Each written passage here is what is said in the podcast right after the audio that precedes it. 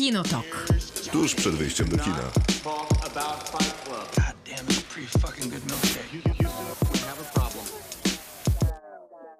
Krzysztof Majewski. Miłosława Bożek. Maciej Stasierski. Proszę bardzo, jak można w całym składzie. To ja, przepraszam. Przestań. Zawsze. To z... Nie, jednak wolę być sam. A jednak. Tak, Fajnie tyle, było? Tyle miałem entuzjazmu i się właśnie mi skończył. Nie było fajnie. Nie było? Nie, zupełnie A nie. jakiś Piotr- słuchacz napisał Piotr ci na przykład coś cię do chwalił. pocieszenia. Krzysztof, trzymaj się, Jeden. jesteśmy... Tak? Tak, jeden. Ale, ale to nie w takim, nie, no, wiesz, nap- napisał coś w stylu nie, nie masz racji. No Ale może chciał się wczuć taką właśnie jak my, że o, żebyś nie był sam, to ktoś ci będzie zaprzeczał Tak, tak, nie, nie, to było, ale to było dobre. To, To było wspierał dobre. cię. Tak, tak, to by, był bardzo inteligentny rodzaj wsparcia, również dziękuję. Y, Ale wszyscy są względnie zdrowi i dostępni, więc jesteśmy we troje i tak będzie aż do godziny No 24. zawsze. Póki co, a później zobaczymy. Ten program nazywa się Kinotok. Jutro będzie podcastem, wszędzie tam, gdzie podcastów słuchacie. Od razu zapraszamy na Spotify'a, tam chętnie byśmy zobaczyli waszą subskrypcję albo ocenę. Na pięć. Tak, w zasadzie tak, bo to już ustaliliśmy, że innych ocen nie przyjmujemy. Dziękujemy za nie, ale nie.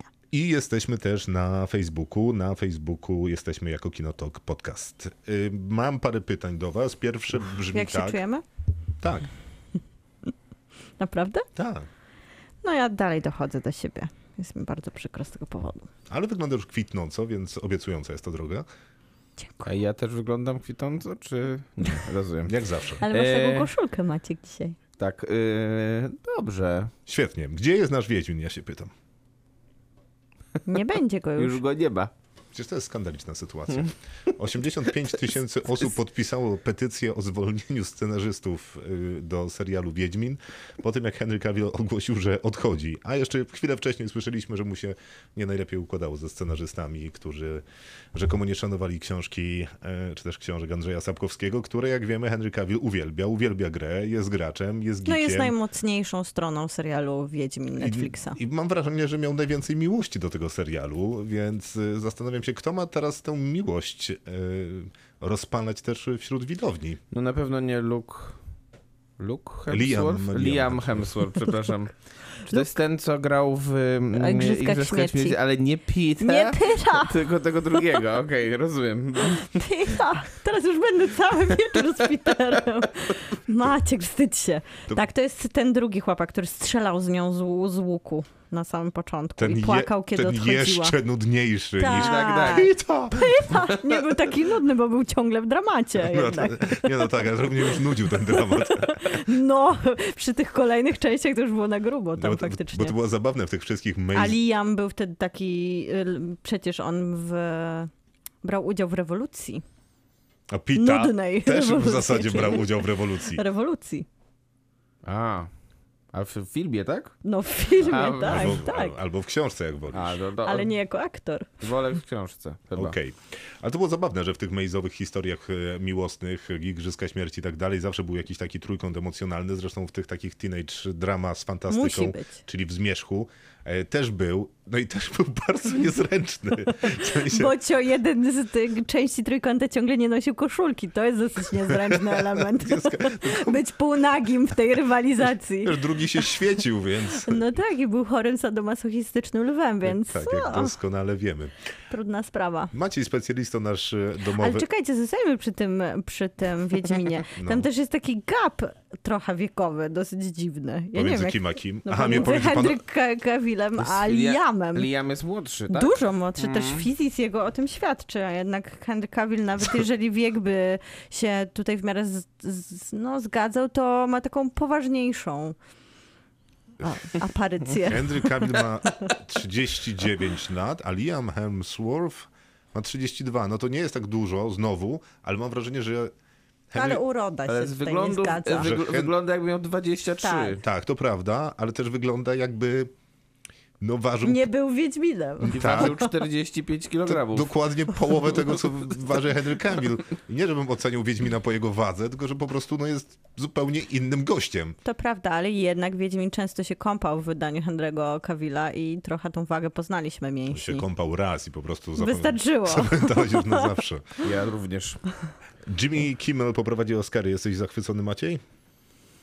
No taki bezpieczny to jest wybór bardzo, chociaż z drugiej strony Jimmy Kimmel jest kojarzony z tymi najbardziej kontrowersyjnymi Oscarami, przecież on... No nie, nie jest. Najbardziej jest. kontrowersyjne Oscary były w zeszłym Smith, roku. e, A nie, tak, tak, e, ale z tymi, które się zakończyły tym takim e, nieporozumieniem z kopertami, no bo La przecież... La Land Moonlight. Tak, on prowadził wtedy Oscary i jemu się udało jakoś wybrnąć, bo go zaprosili rok później jeszcze, ale no tam było duże zamieszanie. On no, jest taki, no, Sprawny, jest. sprawny taki jest. sprawny w takich rzeczach raczej. No, jest. myślę, myślę, że on nie zrobi jakiejś żenady. E, Nie zrobi też szału, to też wiemy. No, no trudno. Przypominam nasz postulat, a przynajmniej mój, bo w sumie nie wiem czy wasz, ale Graham Norton popro- powinien poprowadzić Oscary. No i to jest po prostu prawda. Tak to powinno się wydarzyć. Im szybciej, tym lepiej.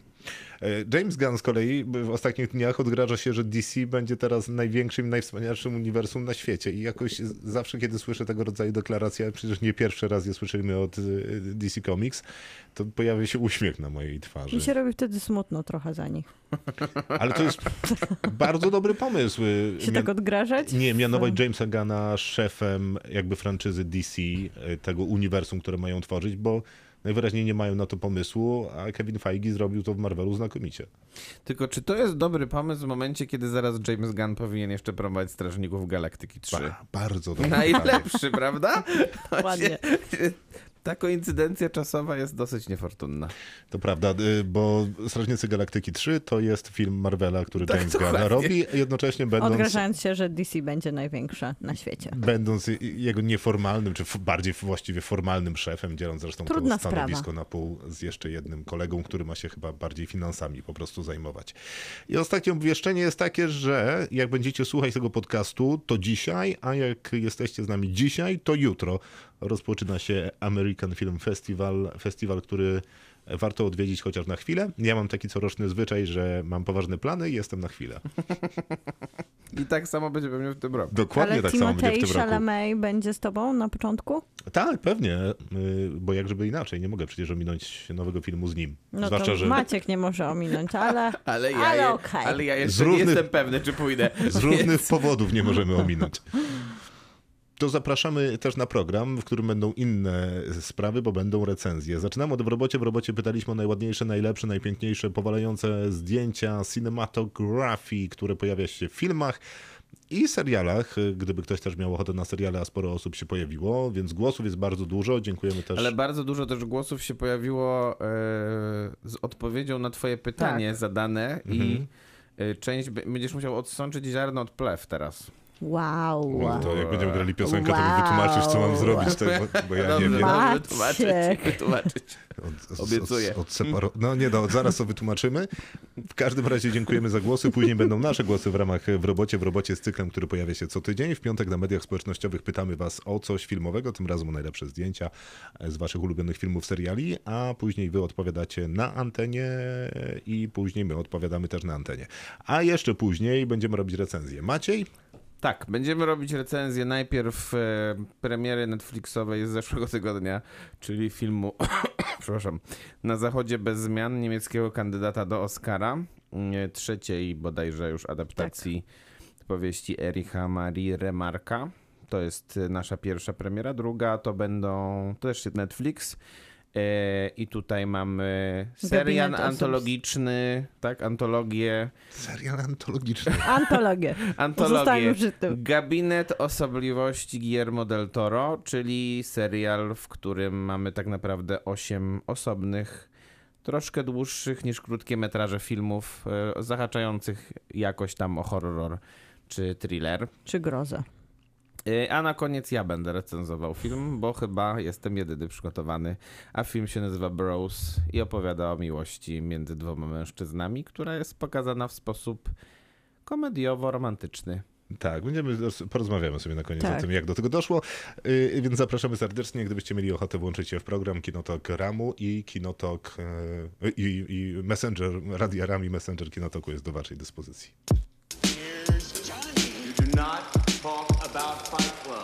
Kinotok. Film. A skoro Kinotok Film, to czas porozmawiać o najlepszych zdjęciach, waszych ulubionych e, z filmów.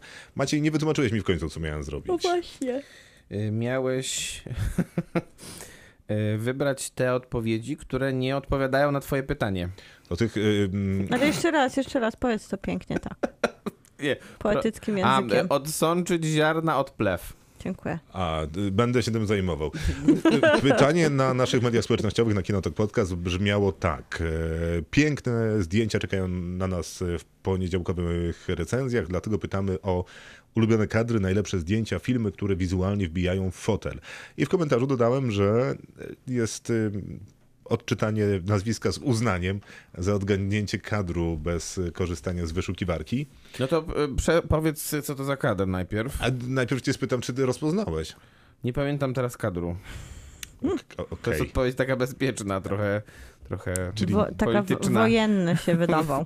Tak, jest, Jest wojenny. wojenny na pewno. Tak. Po części Po wojenny. części, tak. To jest kadr z pierwszej części Sicario.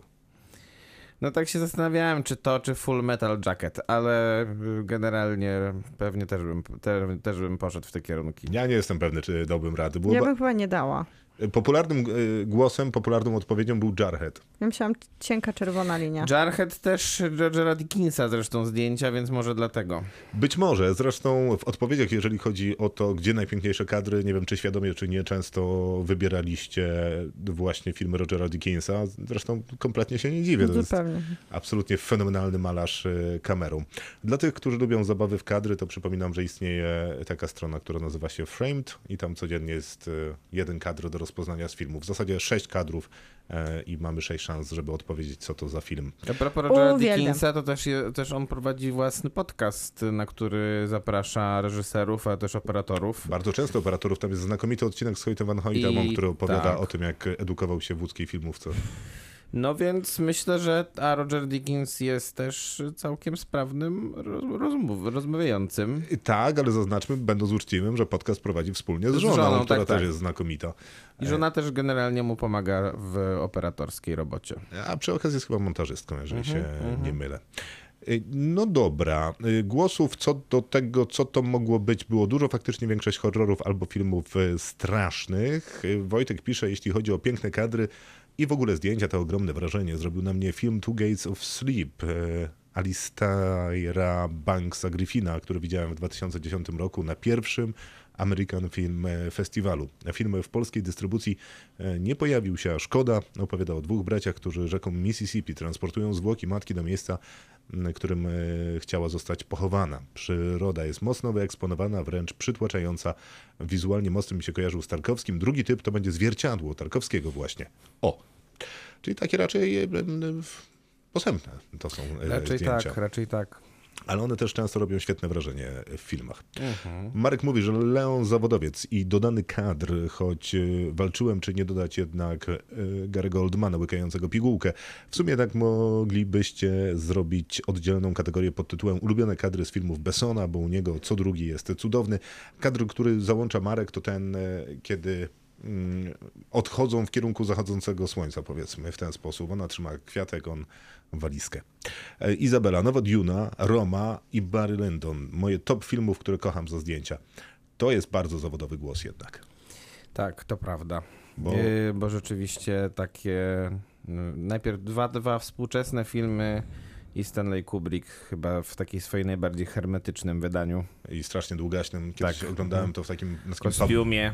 pubowym pokazie i miałem takie krzy, Och. krz, krzesło, które, Trudne by, miejsce do oglądania tego filmu. które było niestabilne Mhm. i było mi bardzo źle. Ale muszę powiedzieć, że mi się bardzo podobało. Mhm. Y, Magdalena. Bardzo cenię za zdjęcie dziewczynę z perłą. Właściwie cały film wygląda jak wyjęty z obrazów Vermeera. A tak się składa, że ten obraz, chwila, co z nim zrobili? Aha, teraz oblali go jakimś y, płynem i się do niego przypięto. To był też jakiś aktywistyczny. Do oryginału? Tak, tak, to był jakiś coś z aktywizmem związanego. Wydaje mi się, że ponownie y, apel ekologiczny.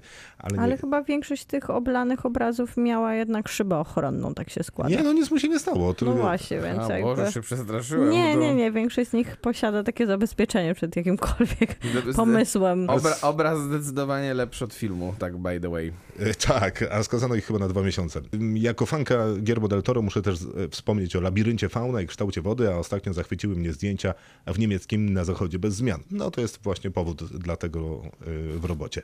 Ma tak sugestywne zdjęcie, że możemy bez wysiłku wczuć się w pozycję żołnierzy spędzających miesiące w błocie i zimnie. Marta mówi, że przychodzą mi do głowy głównie tytuły fantasy czy sci-fi, jak Blade Runner, również ten najnowszy, Arrival czy Duna. Z czarno-białych perełek zdecydowanie tragedia Macbeta i Lighthouse. Z seriali natomiast przepiękne zdjęcia miały Foundation czy Sea, nadrabiając nieco fabularne braki, ale mój absolutny top of the top. Wizualny to cudownie estetyczna symetria i kolor w opowieści podręcznej.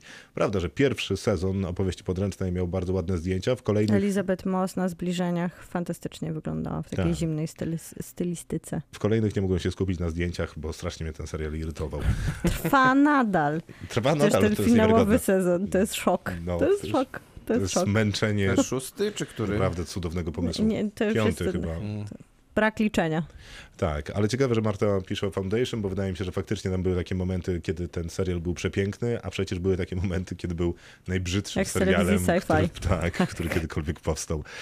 Krzysiek, uwielbiam montaż szczegółów w filmach Tarantino i Aronowskiego. Dla przykładu można zobaczyć sceny zażywania narkotyków w Pulp Fiction i Requiem for a Dream. Przez to, że zajmuje się montażem, bardziej to przykuwa mą uwagę niż pojedyncze kadry. To nic dziwnego. Te zawodowe zboczenia się e, pojawiają. Zboczenia oczywiście w cudzysłowie.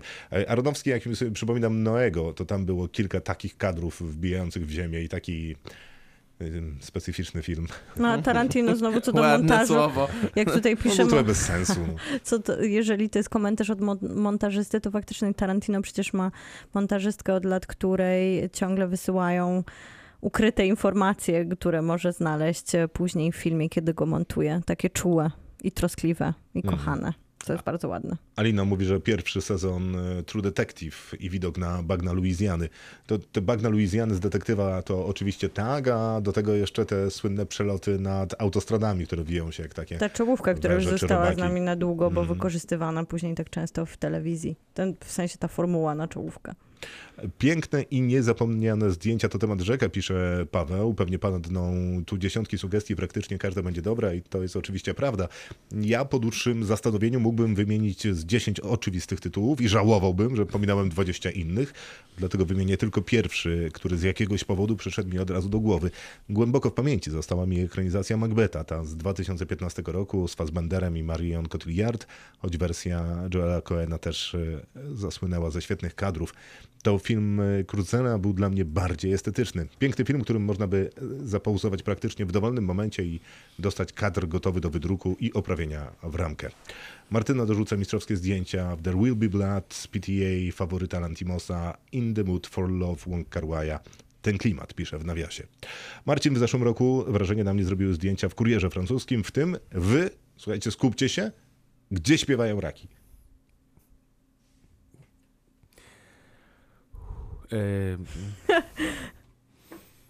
No cóż. Ja trochę zaczynam rozumieć, bo jeżeli Czemu? Marcinowi podoba się, gdzie śpiewają raki, to być może to jest sprytny zabieg z perspektywy producentów filmu, gdzie śpiewają raki. E, A to dlatego, że on wygląda trochę jak e, przegląd najładniejszych zdjęć z Instagrama. A skoro media społecznościowe narzucają swoją estetykę na nasz ogląd świata, no to być może to jest sprytne. No nie wiem, wygląda też, wygląda ten film też jak trochę jak telewizja, taka z lat 90., więc mm, O gustach i tak dalej. Marcin, ostatnio oglądałem Green Knighta i od strony wizualnej był świetny, gdyby tylko, jak się go zrozumie. Do tego Władca Pierścieni... do tego Władca Pierścieni... Valhalla, Mroczny Wojownik, Siedmiu Samurajów, Batman, Grand e, Budapest Hotel, Sok z masłem e, orzechowym. E, To jest ten film z... soku z, Z masłem soku, orzechowym. A, dokładnie. właśnie, Soku. No, Z, wiedziałem. Shia LaBeoufem. z Shia LaBeoufem Tak, i z tak, Dakotą tak. Johnson. Dokładnie, Dokładnie tak. tak. Kiedy płyną na tratwie. E, i Bardzo I rodzi film. się romans. A tu już sugestie do odpowiedzi. To tyle, bardzo za głosy dziękujemy, wracamy ze swoimi za moment. Kinotok. Film. Czas na nasze typy, zdjęcia ulubione, ukochane, te, które zapadły nam w pamięć, albo te, które udało nam się przypomnieć na dzisiaj, bo często jest też tak, że w środę przypominam sobie a, mam 10 lepszych filmów niż te, które podałem. Ja nie chcę zaczynać. Maciek, zaczynasz. Nie.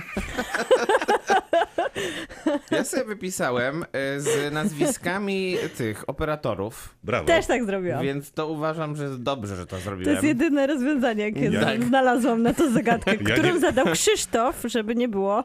Ja często po prostu muszę później w tym zadaniu domowym się usprawiedliwiam, że to twój pomysł, więc ty powinieneś zacząć. W sumie Maciek nie musisz zaczynać. W sensie nie, to, to są wspaniałe filmy same, a przy okazji jeszcze mają bardzo wybitne zdjęcia.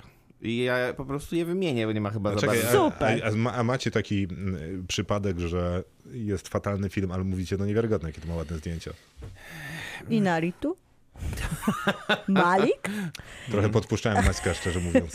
No zdarza się to przecież. A jak jest z, z pięknymi zdjęciami? Były ważne w waszym Ale ży- e, życiu? zawsze, najważniejsze. Jak, ten, jak, jak wychodziłem ze, ze słabego filmu, to zawsze sobie myślałem właśnie, Gdzie że te ale świetne te zdjęcia i taka dobra muzyka. Nie, bo A potem, a potem wystawiałem 4 na 10. co jak co, ale w tym filmie makijaże były doskonałe. E, e, mimo, Scenografia tak w, jak w głupcach, bardzo ładna. Albo miks, miks dźwięku doskonały, naprawdę uratował film. Dzisiaj loże szyderców ewidentnie. E, Więc zacznę od Ale ja zupełnie, rzeczy. zupełnie poważnie, jeszcze tylko przez moment zostając w tym temacie, mnie, mi strasznie sprzedają filmy obrazy i efekty specjalne. W sensie, jeżeli ty, to, co jest w kadrze jest super, jest jeszcze super zmontowane z jakimś pomysłem, to jesteś mi w stanie sprzedać strasznie dużo No, rzeczy. dlatego to by się podobał Amsterdam, a nie było cię na programie, bo ostatnio nie, mamy ale te... to, że mi się podobał, to, Bo to, może jest w obrazku to, ci się podobał, a to, że mi się, przegapiłeś, że film zły. to, że mi się podobał, to jest y, twoja opinia i za mocne słowo. Y, ale nie, lubię, bardzo mi się podobają niektóre scenki, tylko że mam wrażenie, że są jakby z różnych filmów wszystkie. Czyli nie jest to jednak za dobry film. Nie, nie, film nie, ale ma świetną obsadę, technicznie znakomicie. znakomite Ładny w obrazku. zdjęcia. Zdjęcia, Emanuela Lubelskiego zresztą. te, te zdjęcia nie pasują do tego filmu, to jest Zupełnie. taki problem. Zupełnie. Więc ja wybrałem takie filmy, które zdjęcia pasują. E, I zacznę może od tych najstarszych, bo w sumie mam takich starych całe Liczysz dwa. teraz? Więc, więc zacznę od tych dwóch najstarszych. Egzorcysta Williama Friedkina. No i może te zdjęcia nie są przez cały film takie, ale kilka tych ikonicznych ujęć, które wymyślił operator tego filmu Owen Reutemann są bardzo... No, przeszły do historii kina, szczególnie to, to ta scena, w której oświetlony przez okno Maxon Sydow wysiadający z taksówki i wchodzący do tego domu, w którym dzieją się te wszystkie rzeczy. No i oczywiście ta muzyka Mike'a Oldfielda w tle, więc to jest... Maciek, ja mam pytanie. To jest straszny film, bo tak ostatnio reklamujesz, że ja bym go chciała Egzorcysta? powtórzyć. No. To jest najstraszniejszy film, jaki kiedykolwiek Właśnie, powstał. dlatego tak się boję go zobaczyć. To, ale to w ogóle nie są żarty. Ja, Nie. Co? Uwaga, a Maciek coś tutaj, no nie żartuj. coś ciumka. Jest to film, myślę, że tak, y, jeden z pięciu najlepszych, jaki widziałem w życiu. Ale straszny? Ale czy on jest taki straszny jeszcze wciąż? Nie wiem, ale nie widziałem go znowu aż tak dawno temu, żeby mieć co do tego no w, w wątpliwości. sumie chyba był straszny. Tak ta końcówka jest jednak strasznie jest straszny. straszna. No, jest, I ale... nie tylko końcówka. Y, Właśnie, bo tam się bardzo dużo dzieje na takim mm, bardzo niewygodnym Jak napięciu. nie dooglądałam, tak się bałam W sensie na najwygodniejszym fotelu na świecie będzie ci niewygodnie oglądając ten film. To jeden No z to tych. się To- nie, to to, prawda, się nie to zmieniło prawda. pewnie. No to szkoda. Więc to jest jeden z tych dwóch starych filmów, a drugi to jest oczywiście Czas Apokalipsy Francisa Forda Coppoli. Tam jednak ten montaż pod e, Ryszarda Wagnera, który nakręcił taki włoski operator Vittorio Storaro jest myślę, że nie do zapomnienia. Kiedyś czytałem książkę z nim tylko o tym, jak przygotowywali te zdjęcia i to była w ogóle jakaś ja nie wiem, to w sensie robienie filmu w ten sposób naprawdę już nigdy nie wróci, bo mówi się o tym, że Nolan w Tenecie wjechał Boeingiem w Mhm. hangar po to, żeby mieć realne zdjęcia. No jest tak jakby, no fajnie, no masz rozmach. Widać to też. Tak, widać, jasne. A jak kręcili Czas Apokalipsy, to zrzucili napalm e, z przelatujących samolotów. No i operator narzekał, ponieważ problem kręcenia zdjęć w ten sposób polega na tym, że masz tylko jedną szansę, żeby to nagrać. No i to był dla niego problem, ale no nie wiem. Ale jak to nagrał Udało jednak? się. W sensie skala rozmachu y, teraz nie, nieakceptowalna, chociażby z powodów ekologicznych, nie będziemy zrzucać na palmu, żeby zrobić sobie kawałek sceny. No też pewnie z zagrożenia ludzkiego życia nawet, myślę. w, tak. w końcu chyba z takiej świadomości, że takich rzeczy nie można robić. A, zakaz. Po to, żeby mieć siedmiosekundowe ładne ujęcie Tak, w filmie, dokładnie. nie? Ale za to przejdzie do historii. No. Więc może to jednak zrobimy? Mm. Niekoniecznie w naszym kraju. A już przechodząc do takich bardziej, chyba było, nie, chyba było, ale wydawało mi się, że było. E, Spragnienie miłości Wong Kar Wai'a. E, Zdjęcia robił taki pan, który się nazywa Christopher Doyle i e, jest to operator, który właściwie tylko ekskluzywnie pracuje z Wong Kar Wai'em, znaczy pracował w Wong Kar Wai i od dawna nie robi nic. E, I naprawdę te wszystkie sceny, które są nakręcone w slow motion, i to w jaki sposób są kręcone te małe mieszkania y, jest, jest niesamowite, a film mam akurat na świeżo dość przypomniany, bo był na zamknięciu festiwalu Spektrum w Świdnicy do obejrzenia przy nas w trakcie ceremonii zamknięcia tego festiwalu. E, Co jeszcze? E, Tajemnice Los Angeles, film Curtisa Hensona. Tam jednak te zdjęcia, gdzie e, bardzo dużo jest tego dymu papierosowego, jest, są, są niezwykle klimatyczne i fantastycznie budują Jaki film? Tajemnice Los Angeles. A, okej. Fantastycznie budują to kino noir, e, które przecież powsta- a ten film przecież powstał w latach 90. Autor zdjęć nazywa Dante Spinotti i rzeczywiście zrobił tam niesamowitą robotę i pewnie by dostał Oscara, gdyby nie to, że wtedy o 11 Oscarów dostał Titanic. To utrudnia. Jamesa Camerona, więc no, no tak, to utrudnia. Co jeszcze? Szeregowiec Ryan. Myślę, że to jest całkiem, całkiem, e, całkiem, całkiem dobre są te zdjęcia. Szczególnie w tym, podczas tego kilkunastominutowego desantu w Normandii. Tam, e, tam Janusz Kamiński przeszedł samego siebie. Zresztą dostał za ten film właśnie drugiego Oscara swojego. Pierwszego też za film Spielberga, oczywiście za listę Schindlera. E, A z takich nowszych rzeczy to mam tak. Mad Max na drodze gniewu. E, Operator się nazywa John Seal i w momencie, kiedy kręcił te zdjęcia, które wyglądają jakby były kręcone przez 25-latka, miał lat 80. Co, co naprawdę robiło niesamowite wrażenie. Szczególnie na te, te sekwencje, gdzie ten Cirque du Soleil pomiędzy tymi, pomiędzy tymi ma maszynami jeżdżącymi skacze, Fruwa. fruwa, to robi niesamowite wrażenie. Ale to y, mam wrażenie, że z jednej strony y, zdjęcia, z I drugiej... montaż. Tak, tak. No, to tak, jest tak, nierozerwalny w wypadku tego filmu akurat. No to y, nawiązując do zdjęcia, które wrzuciłeś, myślę, że Roger Dickens y, musi, to nazwisko musi, musi się pojawić na każdej z naszych list. W sensie Tylko- wybrzmieć. Tylko pytanie. Oczywiście. Tak, wybrzmieć, oczywiście. Tylko pytanie, za które filmy. Ja na przykład, y, ja tutaj sobie wpisałem Skyfall. Też mam Skyfall. Y, Skyfall. Ściągam Skyfall. Skyfall. Skyfall. Mogłem. Ty masz 1917 pewnie. No, no na pewno. Ja też mam. Mm, y, Co tu jeszcze mam? Y, Mam milczenie. Ty, y, wy nie robicie chyba milczenia. y, Nikt nie Martina lubi tego filmu, Scorsese. Maciek. To- Ja nawet nie podjęłam się oglądania, muszę. Ale, ale film jest nakręcony przepięknie. Operator się nazywa Rodrigo Prieto i rzeczywiście Tak. to jest y, współpraca, która udała się Martinowi Scorsese w ostatnich latach na pewno. Znaczy, ale, y, przepraszam, jak się nazywa operator? Rodrigo Prieto. To Rodrigo Prieto niestety miał pecha do współpracy akurat w wypadku tego filmu. No przykro mi, że tak mówisz. Naprawdę jest ci przykro? tak, jest mi przykro. To przepraszam, no to nie, to nie, to nie miał pecha, miał szczęście. E, Emanuel Lubeski e, największe triumfy święcił dzięki współpracy z e, jednym z m, trzech tenorów meksykańskiego kina, czyli Alejandro Gonzálezem Iñárritu, ale ja najbardziej lubię chyba jego zdjęcia do filmów Alfonso Cuarona, a szczególnie do filmu Ludzkie Dzieci. O nie, no niedobrze, nie, ja miałem to ten jest film. mój na liście. Przepraszam. Jest w ogóle, przypominam, film stworzony z trzech mastershotów. nie? Tak, dokładnie. I to jeden, y, ten, który kręcą y, na samochodzie, kiedy kamera jest zamontowana, czyli generalnie przebudowali samochód po to, żeby Tak. zrobić z niego jedną wielką, dziwaczną kamerę. To jest dostępne na YouTubie. Mhm. Polecam obejrzeć, bo jest to trochę dziwne, a jak Ale człowiek robi się wrażenie. zastanowi nad perspektywą, to robi mu się miękki mózg. Taki Mhm. trochę przestaje działać. Kolejny film, którego nie lubicie, ale który ja, a który ja kocham i są tam wspaniałe Mumia? zdjęcia. To... Nie, nie, to jest ostatni Malik. To jest ukryte życie e, Teresa Malika, a operator się nazywa Jörg Widmer. To była pierwsza współpraca Malika z tym operatorem, a nie Z z, Lubeckim. Lubeckim z kolei.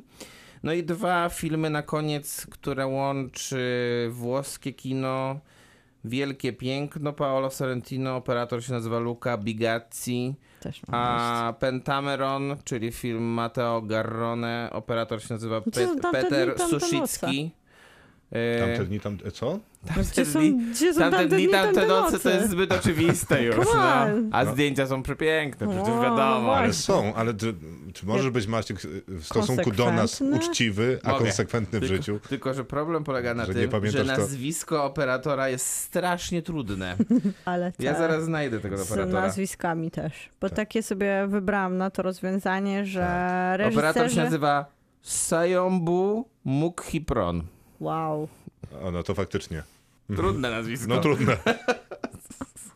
A czy to koniec swojej listy? Tak, koniec mojej listy. No to ja też, tak jak Maciek, wybrałam taką bezpieczną drogę, ale też koncentrując się na współpracy reżyserów z operatorami, takiej bardzo udanej i wieloletniej, co często widać. I trochę do tego się sprowadza kino autorskie, takie, które zostaje z nami.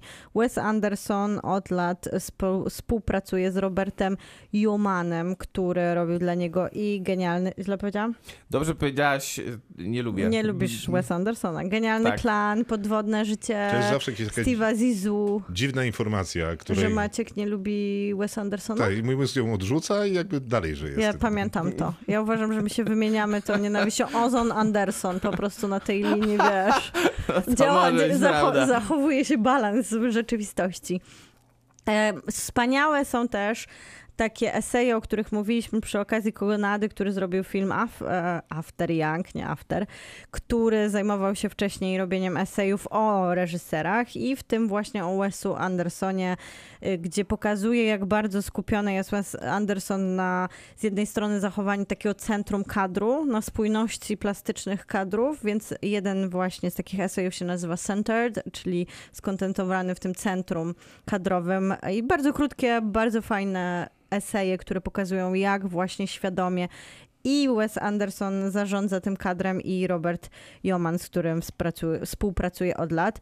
Później był już Paul Thomas Anderson. On współpracował przez lata Z różnymi operatorami. no, ale głównie z Robertem Elswitem, Elswitem, który, tak. który był taki mu towarzyszący. Faktycznie mistrza na przykład robił już inny operator, który jest taki bardzo wyrazisty w obrazie. Ale co ciekawe, Paul Thomas Anderson ostatnio robi sam już swoje filmy i to Nic Widmo i Licorice Pizza to postanowił, że zdjęcia już też będzie realizował, poza tym, że też odpowiada za scenariusz, więc PTA stał się bardzo niezależne. Barry Jenkins i w tym wypadku wiadomo, że kino, ale trzeba też e, wspomnieć o jego serialu, który zadziwiająco nie mogliśmy zobaczyć w kinach, a jest dedykowany wielkim ekranom, bo to po kolej podziemna i on też od lat współpracuje z jednym z Jamesem Laxtonem. tak, z Jamesem Laxtonem, z którym również realizował serial, czyli przeniósł się na dużo mniejszy ekran, a wiemy jak bardzo jego filmy i jego właśnie zdjęcia kochają duże ekrany i jak bardzo są przepiękne. Mówiłeś już o Sorrentino, Luca Magazzi od lat e, współpracują również przy świetnych serialowych wydaniach e, Sorrentino, czyli Ale chyba Młody przy, nowy. młodym, przy nowym papieżu chyba nie. ale przy młodym e, współpracowali i to właśnie widać, że te, to też są te kadry i te zdjęcia, Mhm. które by się tak dobrze odnalazły na. Dużym ekranie. Wong Kar Wai wiadomo, ale Christopher Doyle też zrobił film Hero i tam widać... A, tak. Widać jego rękę, która dużo lepiej się realizowała w takim artystycznym, autorskim kinie Wonka, e, Wonka Arwaja, ale okazało się, że blockbusterowe, wielkie, takie monumentalne chińskie kino e, też da się zrobić pięknie i tu przecież Doyle się świetnie sprawdził też e, w takim, no jednak komercyjnym A wydaniu. operator, a w ogóle tak naprawdę nie Nieznany znany poza Azją, no. poza Azją i poza To tym prawda. właśnie kinem Karwaja i jeszcze paru innych pewnie, a, mm, a przecież to nie jest, e, to nie jest Azjata, ten, ten operator. No Tylko- nie jest, nie jest. Właśnie dlatego to jest takie szokujące, że Doyle e, pozostał w Azji. Jeżeli chodzi o Roberta Dickinsa, no to wiadomo, że 1917, który dzisiaj pewnie będzie wracał cały czas w kontekście naszej recenzji niemieckiego filmu o I wojnie światowej, ale wszystkie Blade Runner, Sicario, Skyfall też, to nie jest kraj dla starych ludzi i trzeba przypomnieć film w Tak. kontekście Merlin zabójstwo Jesse'ego Jamesa przez tchórzliwego. Roberta Forda, czyli właśnie taki chyba najmniej z nim kojarzony film. A jakże y, taki też odchodzący trochę od tego jego narzędzia opowiadania obrazem, a z drugiej strony jak bardzo wpisujący się w takie autorskie ujmowanie tej Moim plastyczności. zdaniem w ogóle nie... No, ale bo, bo jest inny, ale z drugiej strony on ma taką, takie niesamowite wyczucie do obrazu, bardzo Moim malarskie. zdaniem w ogóle nie jest inny. Jest dokładnie taki sam malarski w dużych kadrach, bardzo szerokich panoramach i dobrze operujący w zbliżeniu, ale I później mam jeszcze oczywiście Christophera Nolana, który współpracował z Hoyte Hoyten- Hoytenem przy wielu filmach. No i w ogóle Hoyte Hoyten, czegokolwiek by się nie dotknął, jest super. Pewnie to zawdzięcza, jak Krzysztof, Krzysztof dzisiaj mówił, łódzkiej filmówce. Tak, ale trzeba wspomnieć, jeśli chodzi o Christophera Nolana akurat, że zanim e, rozpoczęcie współpracę z Hoyte van Hoytemą, no to jednak e, przez lata bardzo dobrze też współpracował z Wallim Fisterem, który za Incepcję bodajże dostał Oscara za zdjęcia. E, Wally Fister to jest bardzo dziwny przypadek e, operatora, który robił bardzo monumentalne zdjęcia do wszystkich właściwie filmów Nolana. Po czym nakręcił, po czym stwierdził, że zostanie reżyserem, nakręcił film, który się nazywa Transcendencja i od tego czasu nie nakręcił chyba nic. Ja bym jeszcze chciała wspomnieć o, e, to dobra. wspomnieć o Dune, która w sumie jest reżyser, reżyserowana jest przez tego samego reżysera, który zrobił Blade Runnera, czyli wcześniej wspominanego innego operatora, ale do Dune zatrudnił Frasera. Tutaj zrobili film, który wydaje mi się, że to był bardzo dobry wybór, bo to się świetnie sprawdziło. W sumie, jeżeli chodzi o reżysera Dune. Denisa Villeneuve'a, to on za każdym razem ma innego praktycznie operatora, co Tak, jest no ciekawym przykład, zabiegiem, y, bo to nie, nie powtarza się u niego współpraca. Bo, e, bo w znakomitych, znakomitym Rival też e, tak, operatorem był Bradford Young, a O z którym będę kolei, mówił, więc nie pękaj. a z kolei Labiryncie też Hoyte van znakomitym był Roger Dickens chyba. A nie Hoyte Hoyten? Hoyten? Nie, Nie, chyba Roger Dickens, to wydaje mi się. wydaje, ale nie, nie dam sobie ręki uciąć. Natomiast co do Duny, to jest też ciekawe, bo oni tam przecież po raz pierwszy udało im się opatentować to wspólnie, chyba operator z reżyserem, a być może jeszcze któryś z pionów przy tym maczał palca, jakiś e, ten od efektów specjalnych chociażby.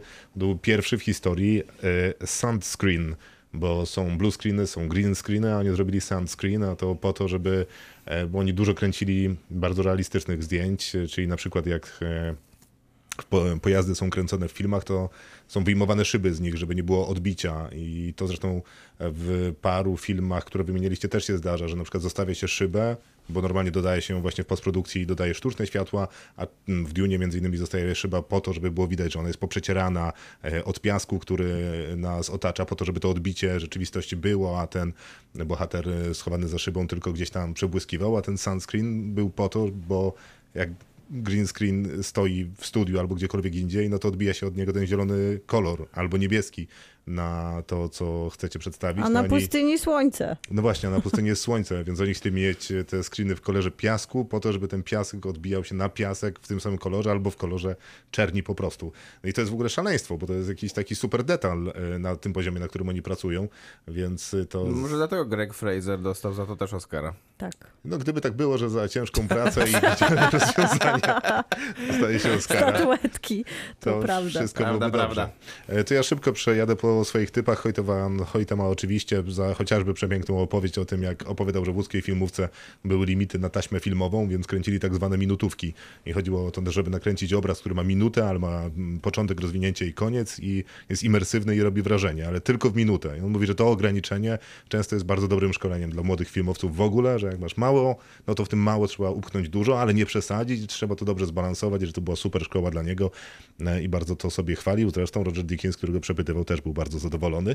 No, a do jego, wśród jego ulubionych filmów, no to na pewno mam Tinker Tailor Soldier Spy, czyli Szpiega, czyli jeden z najbardziej klimatycznych filmów Zakurzony. tak, zakurzony taki bardzo film, e, co też na mnie super wrażenie robiło, ale bardzo służyło historii e, tego właśnie szpiegowskiego zawodu, który był przedstawiany w trochę inny sposób. Ale to jest wybitny twórca, mam mam wrażenie też dlatego, że on potrafi z jednej strony zrobić tego zakurzonego szpiega, z drugiej strony taki pluszowo-futurystyczny film, jakim jest Her, a następnie zabrać nas na morderczą plażę, jaką jest Dunkierka.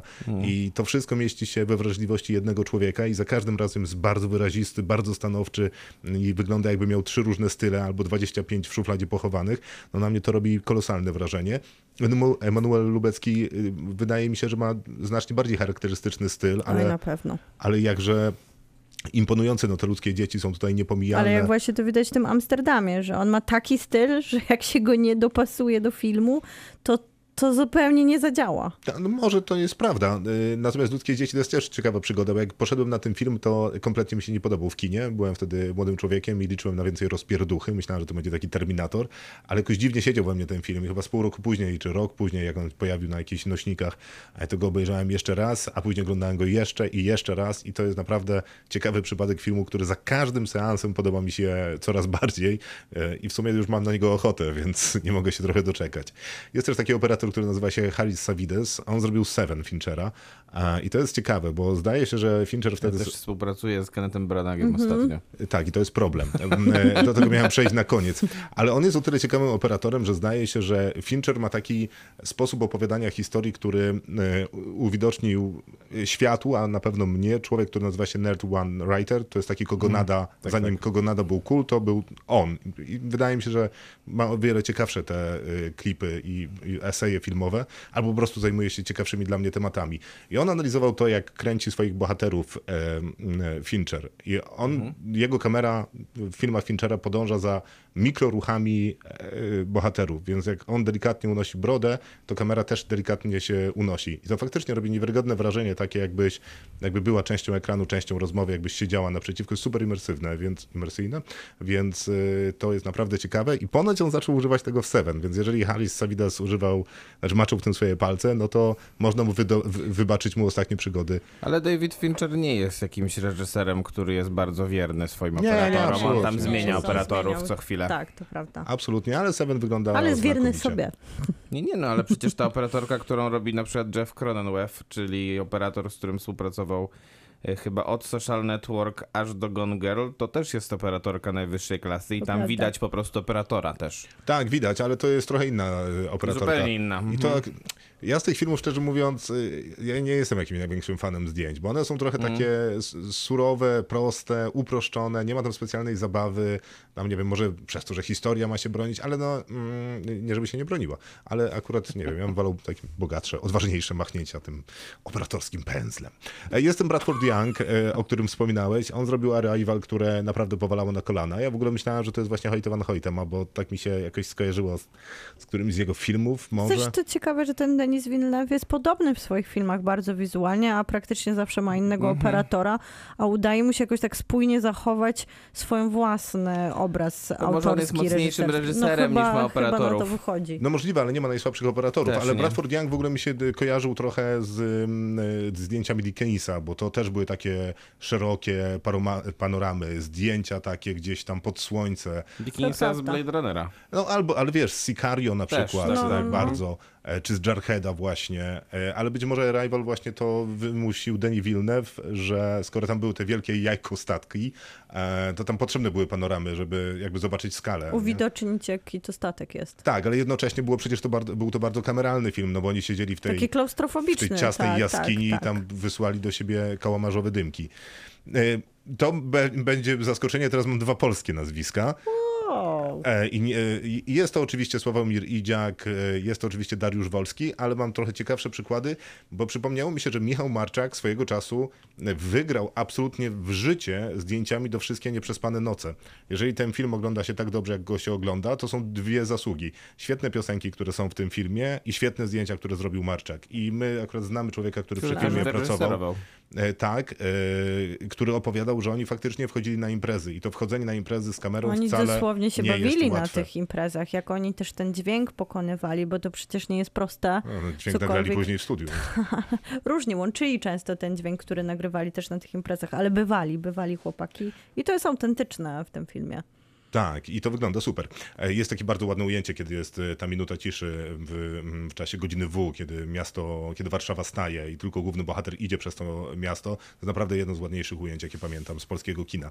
E, Chyba, że e, jest taki człowiek jak Bartosz Konopka, który zrobił zdjęcia do filmu, który obiecywał mi jakieś wspaniałe rzeczy i to była krew Boga.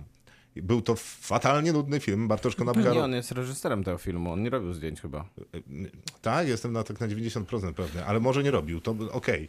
A to ktokolwiek robił, to zrobił je wspaniale. Tak, tak. Ale Bartosz Konopka pracował nad y, samym filmem chyba z 10 lat, Ale film jest skandaliczny. a film jest skandaliczny, naprawdę jest nieznośny.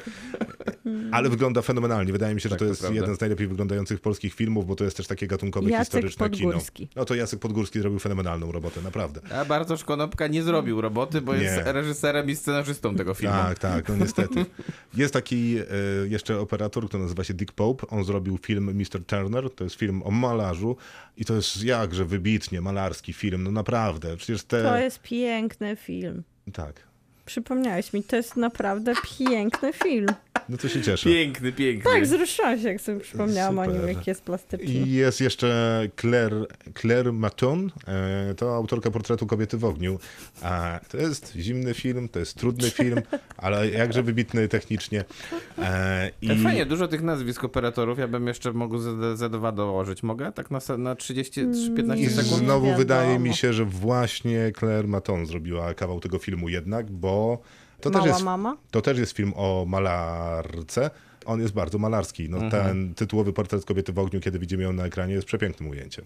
To ja tylko dołożę jeszcze dwa nazwiska, które myślę, że warto, żeby wybrzmiały. E, Matthew Libatik, e, operator, który współpracuje z Darrenem Aronowskim. Myślę, że zdjęcia, które zrobił w Czarnym Łabędziu są fenomenalnie dobre. A drugie nazwisko, też Matthew Libatik robił też zdjęcia ostatnio do Narodzin Gwiazdy Bradley'a Coopera. To O, to są przy- świetne zdjęcia. Przy, przy wielu wadach tego filmu do zdjęć nie można się przyczepić. O nie, na, na, zwłaszcza te zdjęcia, które robili na Coachelli, co opowiadałem wielokrotnie, robią... Uff.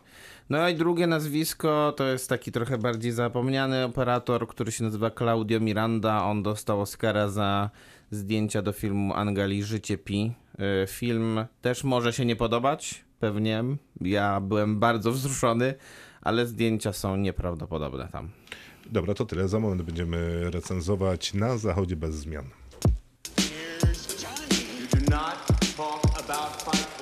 Kinotok. Film.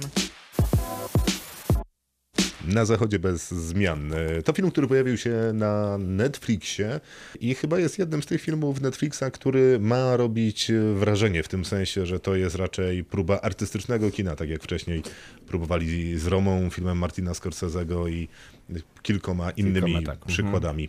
E, To adaptacja w reżyserii Edwarda Bergera podstawie słynnej książki o okrucieństwie i bezsensie wojny. E, Remarka, tym razem opowiadamy o pierwszej wojnie światowej. W sensie mówię tym razem, ponieważ to film wojenny, a takich było dużo przede wszystkim o II wojnie światowej, drugiej.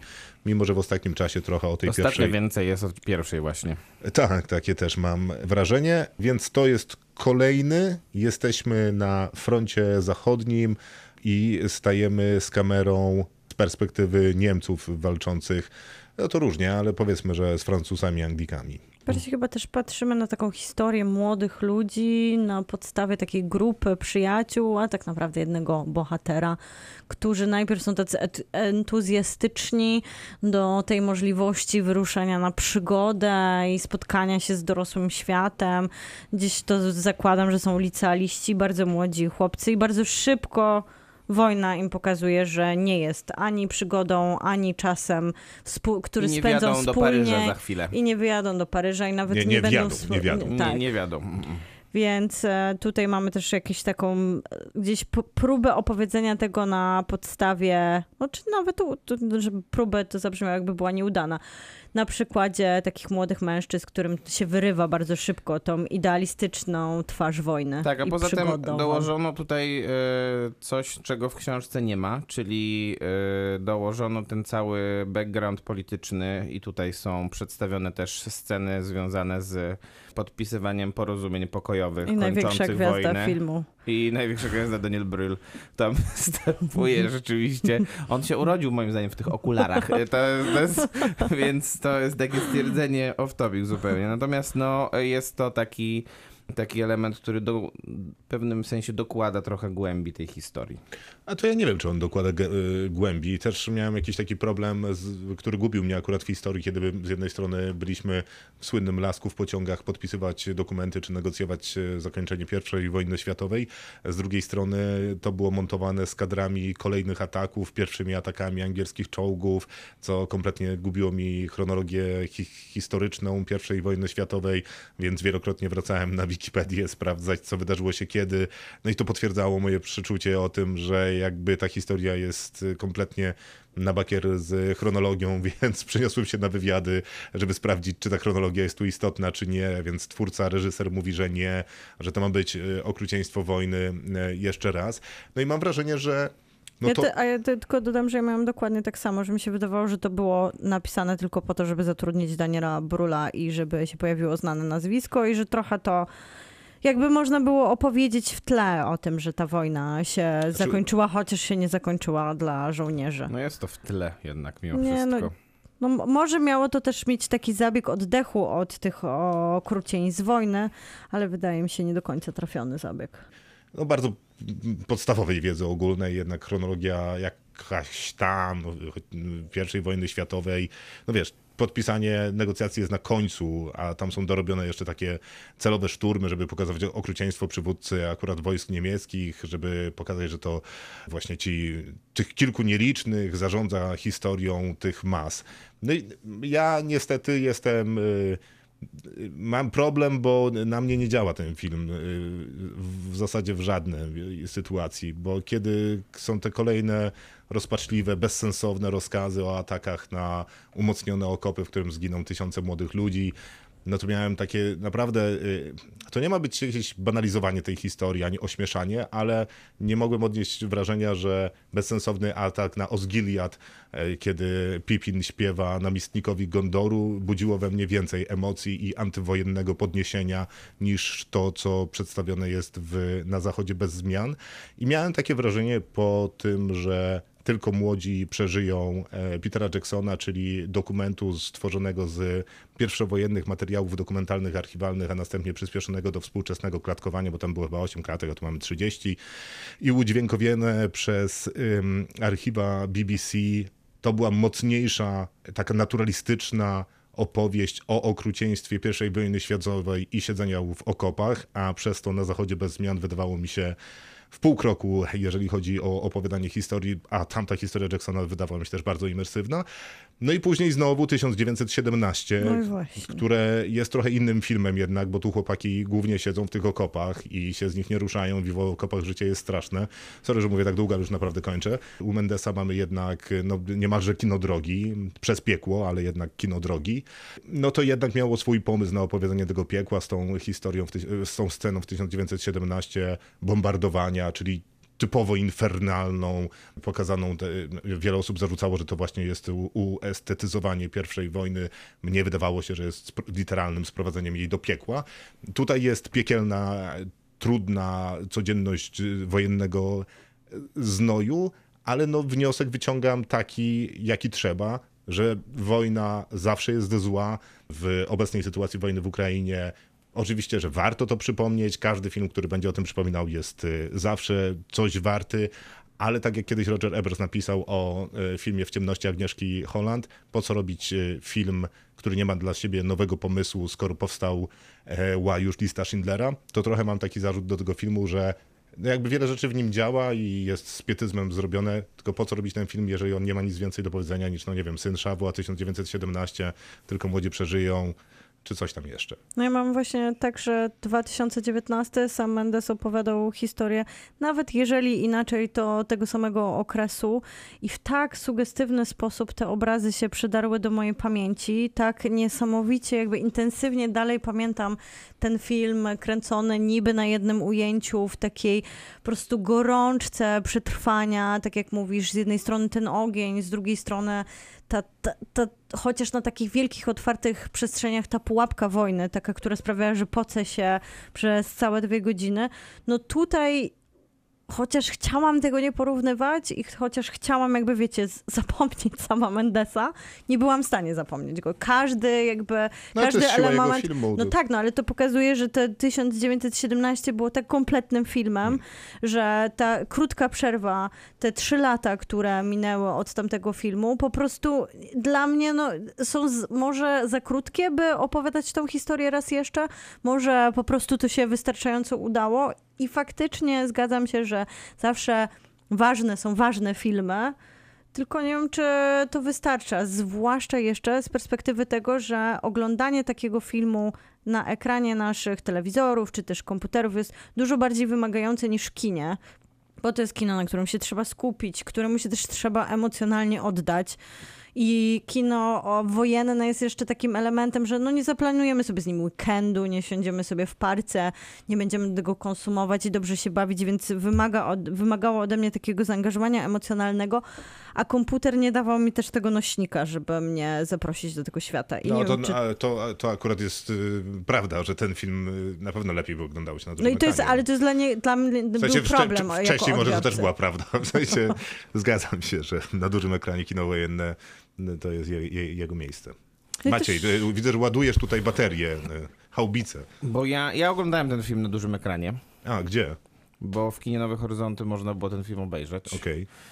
I ja jestem nim absolutnie poruszony i uważam, że to jest lepszy film niż 1917. I myślę, że e, zupełnie, win, zupełnie to jest jednak inna historia. To jest y, zupełnie inna historia w kontekście tego, o czym ten film opowiada. Oczywiście jakby ogólnie to obydwa te filmy mówią o tym, że wojna jest zła. Natomiast y, to w jaki sposób tutaj są opowiadane te historie tych, tych chłopaków, jak bardzo dobrze oni są obsadzeni, jak bardzo duża jest chemia pomiędzy nimi, a poza tym jak y, świetnie jednak są pokazane te sceny batalistyczne. Te sceny batalistyczne tutaj, ta jedna szczególnie, jest wyjątkowo wo- moim zdaniem imponująca wizualnie, więc... y, Która? Y, No ta w, mniej więcej w połowie filmu, gdzie rzeczywiście e, pojawiają się te maszyny oblężnicze i te, te czołgi, które przejeżdżają potem tych ogień. bohaterów. Aha, no tak, to czyli najpierw czołgi, później Tak. tak. miotacze ognia. A, Ta mm. scena by, wy, wy, wyglądała, była dla mnie niesamowita i myślę, że oczywiście pewnie kino na to wpłynęło i duży ekran i, i zupełnie inne nagłośnienie. Natomiast wydaje mi się, że e, ta robota, która tutaj została zrobiona z jednej strony z książką pewnie, a z drugiej strony e, pod względem castingowym jest, y, jest bardzo, bardzo godna uwagi. No i ja też nie uważam, że dołożenie tego backgroundu politycznego to jest jakiś błąd. Wydaje mi się, że wręcz przeciwnie, to, do, to właśnie pogłębia tę historię, daje jej, daje jakiś szerszy kontekst i pokazuje, jak bardzo rzeczywiście y, ta wojna też była y, kierowana przez ludzi, którzy nie mieli z nią nic wspólnego i podejmowali tylko błędne decyzje i wysyłali ludzi na śmierć, nie, nie bacząc za, za bardzo na to, że rzeczywiście tych ludzi wysyłają na śmierć. To ta postać trochę za bardzo przerysowana tego gen- niemieckiego generała, który podejmuje decyzję za 5.12 czy za 5.11 tutaj konkretnie, jest, jest przesadzona, ale z drugiej strony e, obstawiam, że takich postaci na tej wojnie mogło być trochę i, mm, i też, i też to, to, to er- emocjonalnie ze mną rezonowało. A poza tym, no nie wiem, myślę, że e, obsadzanie Daniela Bryla jest generalnie dobrym pomysłem, więc no to on, on A w nawet ten sposób takich- uzasadniasz wątek on, polityczny. On, Ja tak- nawet ja w tak takich myślę, małych rolach się sprawdza. Ale wiesz co, mi nam, y, y, wątek polityczny to mi najmniej przeszkadzał. Ja miałem w ogóle jakieś takie wrażenie, nie wiem, y, czy jest tylko moje, ale że tam jest bardzo dużo próby zabawy zabiegami operatorskimi. Mhm. Tylko, że ja wszystkie te zabiegi operatorskie już widziałem i one były takie, że można je przewidzieć 5 sekund wcześniej, że jak facet wystaje, wystawia głowę e, nad okop, bo chce coś zobaczyć, mówię, no nie, zaraz go ktoś postrzeli w hełm. No dobrze, to, I że, zostaje to, że można je przewidzieć wcześniej, to nie znaczy, że są źle zrobione, czy nie są efektowne wizualnie. No tak, ale nie robią... Ale są powtarzane, ale jak już ma- nie robią wrażenia. No to tak jak, no jak jest ta tak, scena no. z tym, że on ląduje w takim dole po wybuchu Tak, i tam w walczy. 1917 w Było już Czerwogowcu Rajanie wszędzie. i Było wszędzie już na, i, I zawsze jest też tam jakieś zderzenie z wrogiem, który wywołuje w nas, e, w bohaterze ten No moment tak, tak, jego bo w 1917 przebudzenia. na początku walka na noże, e, w Dokładnie. Szeregowcu Rajanie Dokładnie. też walka na noże. Więc jestem, ja na przykład byłam wyczerpana tym, e, tym, że z jednej strony powinnam w jakiś sposób współodczuwać z bohaterami. Ja na przykład nie do końca poczułam przyjaźni między nimi i nie do końca sympatyzowałam z głównym bohaterem i czuję się, czuję się zawstydzona, że to mówię, bo, W sensie bo trochę mam poczucie, tak, emocjonalnej, mam poczucie winy, że nie trafiło to do mnie emocjonalnie, ale zupełnie nie czułam tych strat, które on odczuwał tracąc przyjaciół. Nie czułam emocjonalnie też takiej potrzeby, żeby on przetrwał e, razem ze mną, jako taki, wiesz, mój bohater biegnący przez tą wojnę do tego celu. I wiem, że to był trochę zabieg, bo jednak tutaj nie ma żadnego celu na końcu tej wojny, tak? Nie czeka na nas żadna rodzina, nie czeka na nas żaden happy end, nie czeka na nas nie, nadzieja, więc jakby sprzedawanie mi tego tak patetycznie po amerykańsku też jest dobrym zabiegiem w kinie europejskim, ale mimo wszystko chciałabym czuć emocjonalne emocjonalne czynniki z, jakim, z jakimkolwiek elementem tego filmu. Poza tym, że wiadomo, czuję taką odpowiedzialność za bezsens wojny i też ten moment ważności takiej no takiego przesłania, takiego manifestu. No rozumiem, to mamy zupełnie inną perspektywę, no bo jednak ja, jak, e, jak ci bohaterowie się pojawiali na ekranie, nawet w takich, e, w takich bardzo wydawać by się mogło nie szczególnie in- istotnych sytuacjach, to odczuwałem em, bardzo dużo napięcia wynikającego z tego, że tak naprawdę czekałem na to, który z nich zginie w tej scenie, która nie powinna do tego doprowadzić. I, e, i to, to, to na pewno pokazuje, że między mną a tymi bohaterami wywiązała się więź i wydaje mi się, że to jest em, z jednej strony zasługa pewnie reżysera, chociaż em, jakby co do, co do jego decyzji mam, mam pewnie różne wątpliwości, bo wydaje mi się, że, że sama sytuacja przedstawiona, to napięcie wywołuje, nie trzeba, nie trzeba być jakimś mistrzem narracji, żeby, żeby to robić, żeby, żeby z takiej historii to napięcie wytworzyć. No ale po drugie, to wydaje mi się, że casting jest tutaj bardzo istotny. E, szczególnie, szczególnie aktor, który się nazywa Albrecht Schuh. On e, gra tutaj e, bohatera, który się nazywa Stanisław Kaczyński i e, jest to bohater oczywiście z tej książki. Albrecht Schuh to jest aktor, który też występował w 2-3 lata temu w Berlin Alexanderplatz. Tam, A, to ten, to prawda. tam, grał, tam grał bohatera neg- negatywnego, zresztą wspaniale. Fantastyczna rola. Y, I y, no potwierdza, że jest naprawdę znakomitym aktorem i że rzeczywiście jest jakąś taką europejską No, czołówką. mnóstwo charyzmy. Tutaj najwięcej tej charyzmy Tak. z takiej roli, która też ma dawać oddech, bo on jest takim.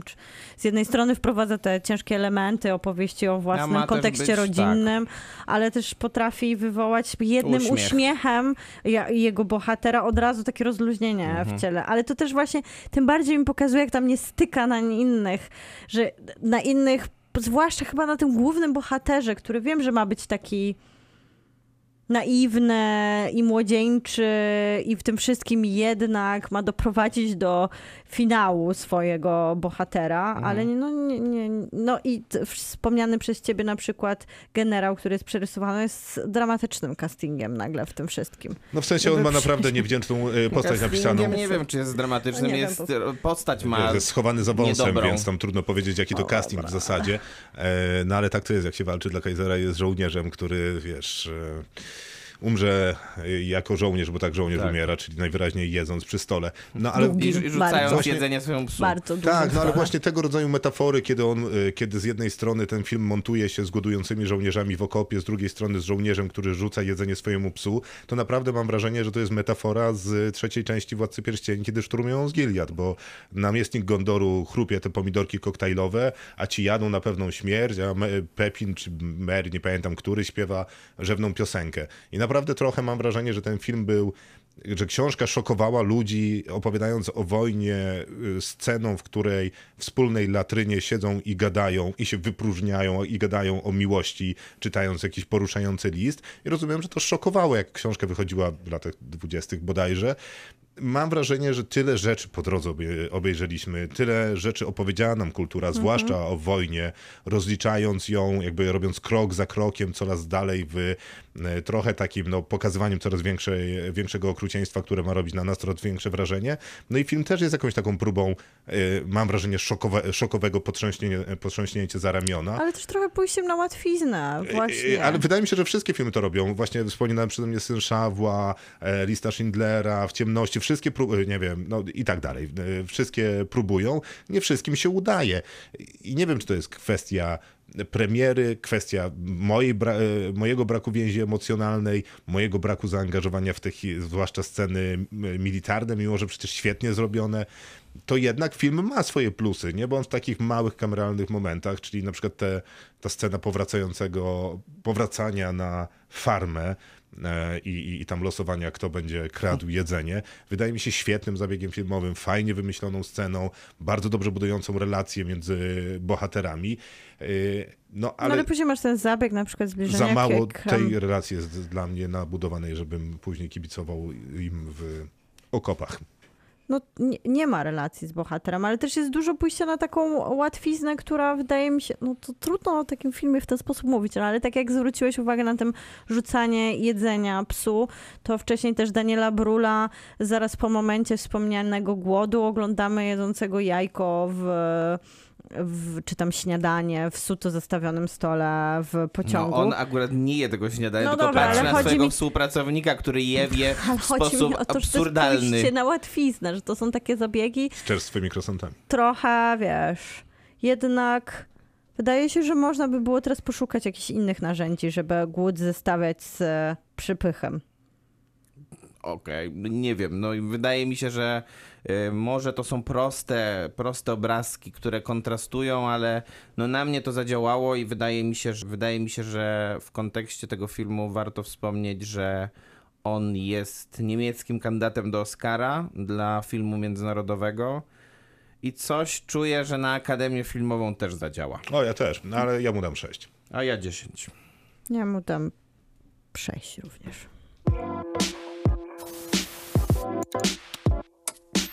Kinotok. Serial. No to Gabinet Osobliwości e, teraz, czyli serial, e, który produkuje Guillermo del Toro, jest takim nazwiskiem, który mm, przedstawia reżyserów. Ojcem. I pisze pierwszy scenariusz. Tak, i, i, i zaprasza nas do historii grozy, opowieści różnorakich, barokowych bardzo, e, w których dzieją się rzeczy, które dziać się mogą tylko w gabinetach osobliwości. On mówi, że ten gabinet osobliwości to może być walizka, to może być mebel, to może być pokój, dom, pałac, w którym kryją się właśnie osobliwości. Kiedyś podróże były e, towarem tylko dla najbogatszych, więc oni przywozili osobliwości z najdalszych zakątków świata i właśnie umieszczali w takich miejscach. On te osobliwości rozumie jako horrory, grozę i potwory, a jak słynnie kiedyś Guillermo del Toro powiedział, zamiast bać się potworu spod własnego łóżka, stwierdziłem, że się z nimi zaprzyjaźnię. No i No i właśnie, ja mam gdyby, ty, gdyby tylko ten serial jak twoja opowieść był, to byłoby super. On A. się pojawił na Halloween, więc miało to Tak. sens, że przenosimy się do takiego trochę takiego pamiętnika grozy, bo to trochę podróż sentymentalna do takiego opowiadania o tym horrorze, który bardziej nie ma straszyć, jak ma nas zapraszać ten świat wyobraźni twórców i każda ta historia jest poświęcona jakiemuś innemu zakątkowi umysłu, gdzie rodzi się jakiś potwór, ale te potwory raczej są taką wizualnym smaczkiem niż e, czymś, co wyskakuje, żeby nas potrząsnąć w fotelu. Każda ta historia też jest zupełnie od siebie inna, takie są założenia antologii, nie tylko w kontekście tego, jak opowiada, ale też jak wygląda. I wydaje mi E, się, Bo że... są różni twórcy, ale Tak, i epoka jest powiedzmy reżyserzy. mniej więcej ta sama, nie? I Gdzieś tam. sepia jest podobna. Tak, tak, no ró- różnie, ale raczej w przeszłości niż w teraźniejszości, może tak. Poza pierwszym. Tak, poza pierwszym. I poza tym chyba siódmym. Ale powiedzmy, że to są jakieś takie klasyczne tropy, nie? Że y, z takich ksiąg grozy, strachu i być może właśnie osobliwości, bo potwory są trochę jak z Lovecrafta, takie k- Cthulhu, E, raczej zajmiemy się tutaj wywoływaniem duchów, e, No, zajmiemy to tak się jak jakimiś... Del Toro. Del Toro nie jest też Tak. reżyserem, który Tak. robi jumpscare'owe horrory. Nie, Tak, tak, tylko tak. eleganckie, klasyczne opowieści grozy. Tak, Tak, by było chyba je najlepiej nazwać. W garniturze z muszką. I co, dobre to? Mi się bardzo podobało. Mi Mi się też bardzo się bardzo podobało. podobało. Bardzo jest to nudne i o niczym. To jest chyba problem tego, że tak bardzo każdy z tych odcinków jest o niczym i tak bardzo mnie nie interesuje nic poza tym, jak to wygląda, że w połowie każdego z nich już taka byłam zmęczona i myślałam, że muszę jeszcze oglądać tyle kolejnych. To było jak kara. No bardzo dużo e- e- elegancji. Ale się dzisiaj zgadzamy ze sobą bardzo. To jest okropne. Znaczy, no nie jest okropne. Nie, no, nie w sensie wydaje mi się, że chyba to jest trochę za surowa opinia, mimo że rozumiem, że serial do ciebie nie trafił. Nie no, okropne w sensie tak jak masz piękną bombonierkę, którą otwierasz i ma takie świetne opakowanie Mhm. i tyle ci obiecuje, a później się okazuje, że to jest taka udawana czekolada, tylko ładnie przy... No, przy przy- Szczerze mówiąc, jak oglądałem Przybrana. pierwsze o- dwa odcinki, to pomyślałem o tobie, że to jest opowieść grozy, która będzie ci się podobać, bo od dwóch lat opowiadasz y, tutaj, że nie cierpisz horrorów, y, bo cię straszą i się ich boisz. Dzisiaj pytali o egzorcystę. E, A to jest horror, który jest elegancki, który ma elementy grozy, posługuje się jakby schematem opowiadania grozy, horroru, straszenia, ale to jest y, z uśmiechem i miłością do gatunku. Uśmiecham to I tam, wydaje to mi się- nie ma poczucia humoru za grosz, więc mało uśmiechu. No, To bardzo inny uśmiech. Mm. Inny, nie, nie, no też inny uśmiech, chociaż wydaje mi się, że poczucie humoru tam jest. Yy, No a to, że mówisz, że to jest nudne, to okej, może, bo to ma wolną narrację, natomiast Nie wszystkie odcinki to też nie wszystkie, to prawda, E, bo jest też są odcinki, w których jest całkiem sporo akcji, a, ale no nie przede wszystkim wydaje się, że każdy z tych odcinków jest błyskotliwy w tym, co ma do powiedzenia. No, Skrytka 23, Malarz, czy mm, ten, mm, który nie pamiętam jak się nazywa, opowiada o przybyszu z kosmosu. E, No wszystkie są świetne, a, a, a momentami no naprawdę ta groza jest dojmująca. No, ko- końcówka historii Malarza kończy się wyjęciem e, czegoś z piekarnika, co raczej jest bardzo No zaskakujące. nie, ale na przykład wydaje mi się, że bardzo ciekawy jest koncept też tego odcinka, chyba numer 3, w którym mamy bohaterkę, która jest uzależniona od reklam, telewizora i Mhm. piękna i takiego, takiego piękna w najgorszym tego słowa znaczeniu, czyli takiego sztucznego Z beauty z magazines. Barbie, y, lalek i tak dalej. I e, ten odcinek jest też bardzo ciekawy, bardzo mi się wydaje in, interesujące tropy e, ma, zawiera w sobie. Są oczywiście gorsze odcinki i lepsze, bo ten pierwszy wydaje mi się, że jest po prostu niedokończony. E, Ten odcinek z bohaterem, który, który z, który kupuje skrytkę i jest wyborcą Donalda Trumpa. Skrytka 23. No ja, jestem, ja bardzo lubię ten odcinek, a. A. poza tym mam wrażenie, że ten aktor, tak mi się coś wydaje, grał w Supernatural postać śmierci. No, Tim Blake Nelson grał też w, między innymi w Watchmenach. Tak, Jasne. tak, Wspaniale. dokładnie. Roszaka. Dokładnie. Natomiast, e, no ja tego, tego, odcinku fa- tego odcinka fanem nie jestem. Nie jestem też fanem odcinka, w którym gra Ru-. Rupert Grint, czyli, czyli, Ron z czyli Harry'ego Ron Pottera. z Harry'ego Pottera. To jest Wydaje mi się, to że jest najgorszy najgorszy odcinek, odcinek to jest... Natomiast no inne są ciekawe. Ten o malarzu jest bardzo dobry. Ten Tak. e, z tym bogaczem, który zaprasza do swojej, do swojej rezydencji tych jakichś influencerów e, Tak. lat 70. Żeby oglądali Meteory. To jest E, twój ulubiony reżyser przecież. To jest reżyser... Patos Kosmatos, tak. Tak jest. Nie domęczyłam Jak już, się nazywa film z Nicolasem Cage'em Patos Kosmatosa? Mandy. Mandy, dokładnie. Mm, Bardzo też e, Świetny jest ciekawy. ten Nie, nie, odcinek. nie domęczyłam już, do, ja się poddałam po tym z Ronem, już po A. prostu to naprawdę moja kara wtedy już dobiegła końca, przeprosiłam za wszystkie A moje myślę, że, a myślę, że, te, myślę, że zabawne to też momentami jest, bo ten odcinek z tym szczurem, gdzie się pojawiają te wielkie szczury, no nie można się nie śmiać z tego. Ja mam szczurofobię, więc Ale e, no ja się po, z tego śmiałem. po wielkim szczurze stwierdziłem, że nie będę sobie tego robił. Nie, jest, no, jest e, coś dwa, takiego... e, Dwa, myślę, trzy odcinki, które mi się najbardziej podobały. To jest Mhm. właśnie ten przedostatni z Kosmatosa. Tak? Kosmatosa. E, drugi to jest ten z kremem do twarzy, czy do ciała. E, I trzeci to jest odcinek z F. Murrayem Abrahamem, czyli aktorem, który dostał Oscara za Amadeusza i on się nazywa Autopsja, to jest odcinek numer 3, gdzie mamy rzeczywiście przybysza z A kosmosu. to jest to, no to tak, to- to- tak, to jest jeden z najlepszych. Znakomity odcinek. Tak, tak, tak. Wyda wydaje mi się, że ten, skrytka mimo wszystko Mhm. e, i, i, i, i Kosmatos. Szok to jest po prostu dla mnie. Ten, o, ten trzeci odcinek dawał mi trochę takie zaproszenie, że myślałam, o, może będzie faktycznie jakiś taki trochę vibe Archiwum X, bo to są te elementy właśnie przybysze z kosmosu, wchodzenie w ludzkie ciała, zagadka detektywistyczna. No tylko brak poczucia humoru, traktowanie wszystkiego śmiertelnie poważnie i po prostu ja doza... tam, be- obejrzałeś ten odcinek do końca? Tam nie mnóstwo... oglądałam żadnego tak. odcinka do końca, Aha. Zbulwersowana Aha, tą... Dobra, okej. oglądałam pierwszy odcinek do końca, który bardzo dobrze wygląda i daje też bardzo taką, takie ciekawe zaproszenie na początku, nawet sugerując, że posiada jakieś treści, bo tutaj mamy bohatera, który No, słucha... on, jest, on jest napisany akurat naj, naj, najgrubszą kreską. No z właśnie, tych jest bohaterów. najgrubszą, no bo jest najpierw słucha tutaj przemówień prawicowego radia, żeby później odebrać emigrantce cały jej dobytek. To są Nie odebrał jej, z- był zlicytowany. Dobra. Jest w ogóle cała Y, grupa ludzi, którzy to robią w. Stanach Zjednoczonych. Ale, ale chodzi o to, że jest to grubymi niciami szyte, że on najpierw słucha tej Nićmi, ale- a później jednak nie oddaje jej, jej pamiątek rodzinnych, po czym wszystko wizualnie No, Ale fajnie widziałeś, wygląda. Ona miała pamiątki rodzinne? To nie były jej pamiątki rodzinne, to jednak ciągle oglądamy pamiątki rodzinne pana, który skacze przed To swoją prawda skrytką. akurat. Nigdy nie doszliśmy do jej pamiątek rodzinnych. Ona tylko uprawia swoją małą zemstę. Nie wiemy, nie wiemy co ona trzyma w być może coś jeszcze gorszego, Może nie? Bo widziała, co gorszego. go ściga, Ale a nie otworzyła. Ale właśnie z jednej strony jest e, to, to, to takie wszystko podkreślone mocnym, jaskrawym flamastrem. No ale dobra, mam jakieś zaproszenie do historii, która kończy się urwana w sumie w żadnym Z tym punkcie. się zgadzam akurat. I już No to był tutaj zaczyna się rozczarowanie, ale następnie wjeżdża odcinek o szczurach, Nie, no, który jest wspaniały, jest ja go kocham. tak po prostu dramatycznie. Przecież w ogóle on, on, on jest prawie slapstickiem horrorowym. Jak no. jest nużący? Przecież tam Gdyby nie, tylko nie ma miał czasu, żeby był humoru. nużący, bo jest taki krótki.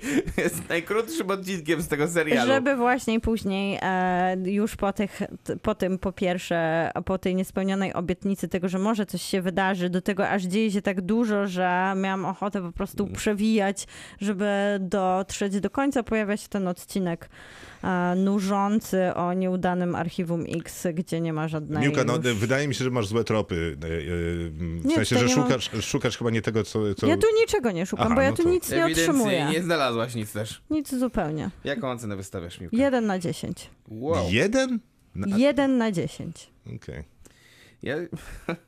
Ja tak z, z, jakąś średnią sobie zrobiłeś? Czy... Nie, nie, nie robiłem średniej. Czyli- A Więc chyba tak wrażeniowo będę oceniał. To ja wystawię 7 na 10. Ja dam 8. Yy, I co, teraz mam opowiedzieć jeszcze o Bros od razu? Tak. Dobrze, Czekaj, ale to jingla zagram. bardzo proszę. Bo jesteśmy w, po serialowym jinglu, to jak możesz o filmie... Masz rację. Kinotok. Film. Bros to jest komedia, którą, która wyszła ze stajni takiego pana, który się nazywa Jude Apatow. On robił m.in. Super Samca i tego typu chamskie komedie. E, Albo serial Love o, też. o bardzo dużo, o bardzo różnych tematach em, i tutaj e, łączy z siły z takim człowiekiem, który się nazywa Billy Eichner. On jest znany głównie z tego, że prowadził taki program, gdzie chodził po Nowym Jorku i zadawał ludziom pytania na przykład o to, e, jak dobrze znają rolę Meryl Streep, bo on uważa, że Meryl Streep jest najwspanialszą aktorką świata. E, I e, jest on przy okazji otwartym, e, przyzna, otwarcie, Na, na czym polega dowcip? musi, musiałbyś obejrzeć. Dobra. Przy okazji jest otwartym gejem, który, m, który bardzo mocno jakby informuje o tym, że rzeczywiście walczy o pra- równouprawnienie osób LGBT w Stanach Zjednoczonych. No i trochę ten film jest też o tym i o nim, bo on tutaj nie tylko pisze scenariusz, ale też gra e, chłopaka, który jest, e, chłopaka właściwie, 40-letniego faceta, który prowadzi podcast na temat właśnie, na temat właśnie życia gejów w, a właściwie swojego życia w Nowym Jorku, a przy okazji jest dyrektorem Muzeum Historii LGBT Stanów Zjednoczonych. E, I p- generalnie jest, e, e, nie ma zamiaru poznawać nikogo, ale oczywiście jak to, jak to bywa w komedii romantycznej, ten schemat musi tutaj być zrealizowany, więc poznaje takiego e, głównie rozebranego mężczyznę, dość regularnie rozebranego w tym filmie. No i okazuje się, że między A on innymi jest prawnikiem, zdaje się. Ten mężczyzna jest prawnikiem. To Tak, jest dobra a- scena w trailerze, jak oni się umawiają na spotkanie. To Jakbyś, dobry trailer. jak- jakbyś miał ochotę spotkać się, nie, nie miałbym ochoty. Ja też nie mam ochoty, ale gdybyś miał ochotę, tak, dokładnie. Ten mężczyzna jest prawnikiem, a tak naprawdę to chciałby być cukiernikiem. I jest to takie słodkie, prawda? Natomiast, e, Co, ale niekoniecznie w ten dobry sposób chyba, nie? natomiast Jest- sam film e, po pierwsze... A tu to chyba cały casting jest otwarcie homoseksualny. Tak, cały, chyba, nie wiem czy cały, ale większość, większość tak. I, no i cały film generalnie opowiada o tym, w jaki sposób e, rozwija się i e, pogarsza się ta ich relacja, e, która, no i doprowadza do takiego finału, który jest generalnie znany z komedii romantycznych. Czekaj, ale to jest taka trzyatypówka, że pierwszy akt y, fascynacja, poznawanie się, drugi akt y, jeszcze większa, na koniec Nie, drugiego... drugi akt to jest odrzucenie, Nie, żeby nie, nie, na koniec, był... na koniec drugiego jest odrzucenie, bo on mu nie powiedział kiedyś jakieś pierdoły, więc ten drugi się obraża i w trzecim jest pojednanie, tak jak mówi To nie jest do końca tak, bo te wszystkie, te wszystkie schematy komedii romantycznych wydaje mi się, że tutaj są ładnie jednak wykorzystane w taki sposób, żeby to w miarę świeżo wyglądało. A poza tym e, fajne jest to, że że Eichner tutaj, no bo myślę, że to jest jego film, jednak to, to że ktoś tam wyreżyserował ten film, to nie ma generalnie żadnego znaczenia. E, Eichner e, pokazuje ze swojej perspektywy osobistej jak y, żyje się uprzywilejowanym osobom homoseksualnym w Stanach Zjednoczonych i mm, Czyli dyrektorowi Muzeum LGBTQ. Dokładnie tak. plus. I, y, jaki sposób jednak y, ciężko się do tego dochodzi, bo to poza tym, że to jest dobra komedia i są tu bardzo śmieszne gagi, to, to też jest bardzo ki kilka naprawdę dosyć inteligentnych myśli na temat właśnie tego, w jaki sposób, y, y, jaki sposób układa się od właściwie początku życie każdej osoby homoseksualnej. I myślę, że to nie tylko w Stanach Zjednoczonych, ale generalnie w cywilizowanym świecie tak to się robi, że y, i, i- i to, jest, to jest ciekawy sposób pokazane, dlatego że y, nie ma tutaj takiej łzawości, nie ma czegoś, nie ma tutaj, nie ma tutaj jakiegoś takiego szalonego dramatu, który zawsze, który zawsze się kojarzy z takimi historiami W sensie coming of age. Jak to się mówi, nikt nie umiera na końcu. Dokładnie, tylko, tylko raczej wszyscy są zadowoleni, szczęśliwi, a przy okazji jest całkiem miło, dobrze Ale- grają. ale to w ogóle jest nie tutaj- brzmi jak europejskie kino LGBT. No bo nie jest to europejskie, Ale- tylko amerykańskie. jest. Może ów jednak. Mhm. Jest co- coś przykrego w tym, że miała, jak mówisz, miała być to opowieść, która trochę pokazuje taką sprawiedliwszą historię, a widziała ją prawdopodobnie właśnie tylko, jak przykład naszego podcastu, prawdopodobnie e, widzowie, którzy są i świadomie wspierają albo Nie, są... No, Stanach, nieprawda. Całe Stanach rodziny w Polsce chodzą na ten film. w Stanach Zjednoczonych tak? wynik Chodzą na finansowy... Super ja mam- Mario Bros. Tak, Ja bo mam- jest faktycznie taka przypadłość, że w kinach jest Mario Bros. Tak jest! I ludzie chodzą, kupują bilety na Bros, chodzą na film, szukają Mario Bros, To a jest- nie ma. To jest tak To śmieszne. jest super śmieszne. Ale myślę, że to nie wspiera jakby komunie tego. Jak nie wspiera? Nie, ale No to płacą za bilety na to ten film, więc generalnie jest odhaczone. Siedzą całą rodziną, myślę, że, oglądają. myślę, Ale- że po tym weekendzie jest wielki sukces finansowy. Ja myślę, że są bardzo poważne rozmowy teraz w polskich domach i w całkiem fajnie. No ale w Stanach Zjednoczonych to, No, to Stanach obnaża Zjednoczonych trochę to, że flop. jednak jest e, problem z homofobią i romkom. Nie, no to, że film jest klapą, nie znaczy, że e, jest problem z homofobią od razu. Można nie? by było spokojnie się nad tym zastanowić, Albo- jeżeli jest to gejowska komedia romantyczna. Nie, ja się, ja się zastanawiam może raczej nad tym, czy ten film miał jakąś super promocję. Ja widziałam wszędzie trailery. Tak, bo ja myślę, nigdzie. myślę, że jest, myślę, że po części jest to prawda, że nie miał pewnie promocji w Stanach Zjednoczonych takiej, jaką by mógł mieć, a po drugie rzeczywiście, że to społeczeństwo jest takie, a nie inne i nie będziemy może tutaj wygłaszać jakichś bardzo daleko idących słów. Ja wystawiam temu filmowi 8 na 10 i chciałem jeszcze zanim się pożegnamy powiedzieć jedną rzecz, że w środę na American Film Festival w ramach drugiego mojego projektu, czyli Watching Closely, organizuję quiz. To my nie uzgodniliśmy, że będziesz się tu promował. No ale no zrobiłem to już tak, nie, nie pytałem ciebie. A jaki jest temat? E, To będzie o muzyce filmowej. A o A to której? będziecie grali fragmenty? Będziemy grali fragmenty. To ukradliście nasz A- pomysł. No, nie, I to, to no, będą Ja te nie same wiem- fragmenty? ja nie wiem, czy Wysłać- Nie wiem, czy to nie, nie wiem, my czy Maciek ukradliśmy ten pomysł, który ja już wcześniej wymyśliłem tam. Więc Dobra, Maciek, wysłać ci pliki? tak, no tak, bo proszę. Bo proszę, bo dawno, nie, bo dawno nie słuchałem tej incepcji. Krzysztof Majewski. Miłosława Bożek. Maciej Stasierski, dobranoc. Kinotok. Tuż przed wyjściem do kina. Talk about Fight Club. God damn, it's pretty fucking good milkshake.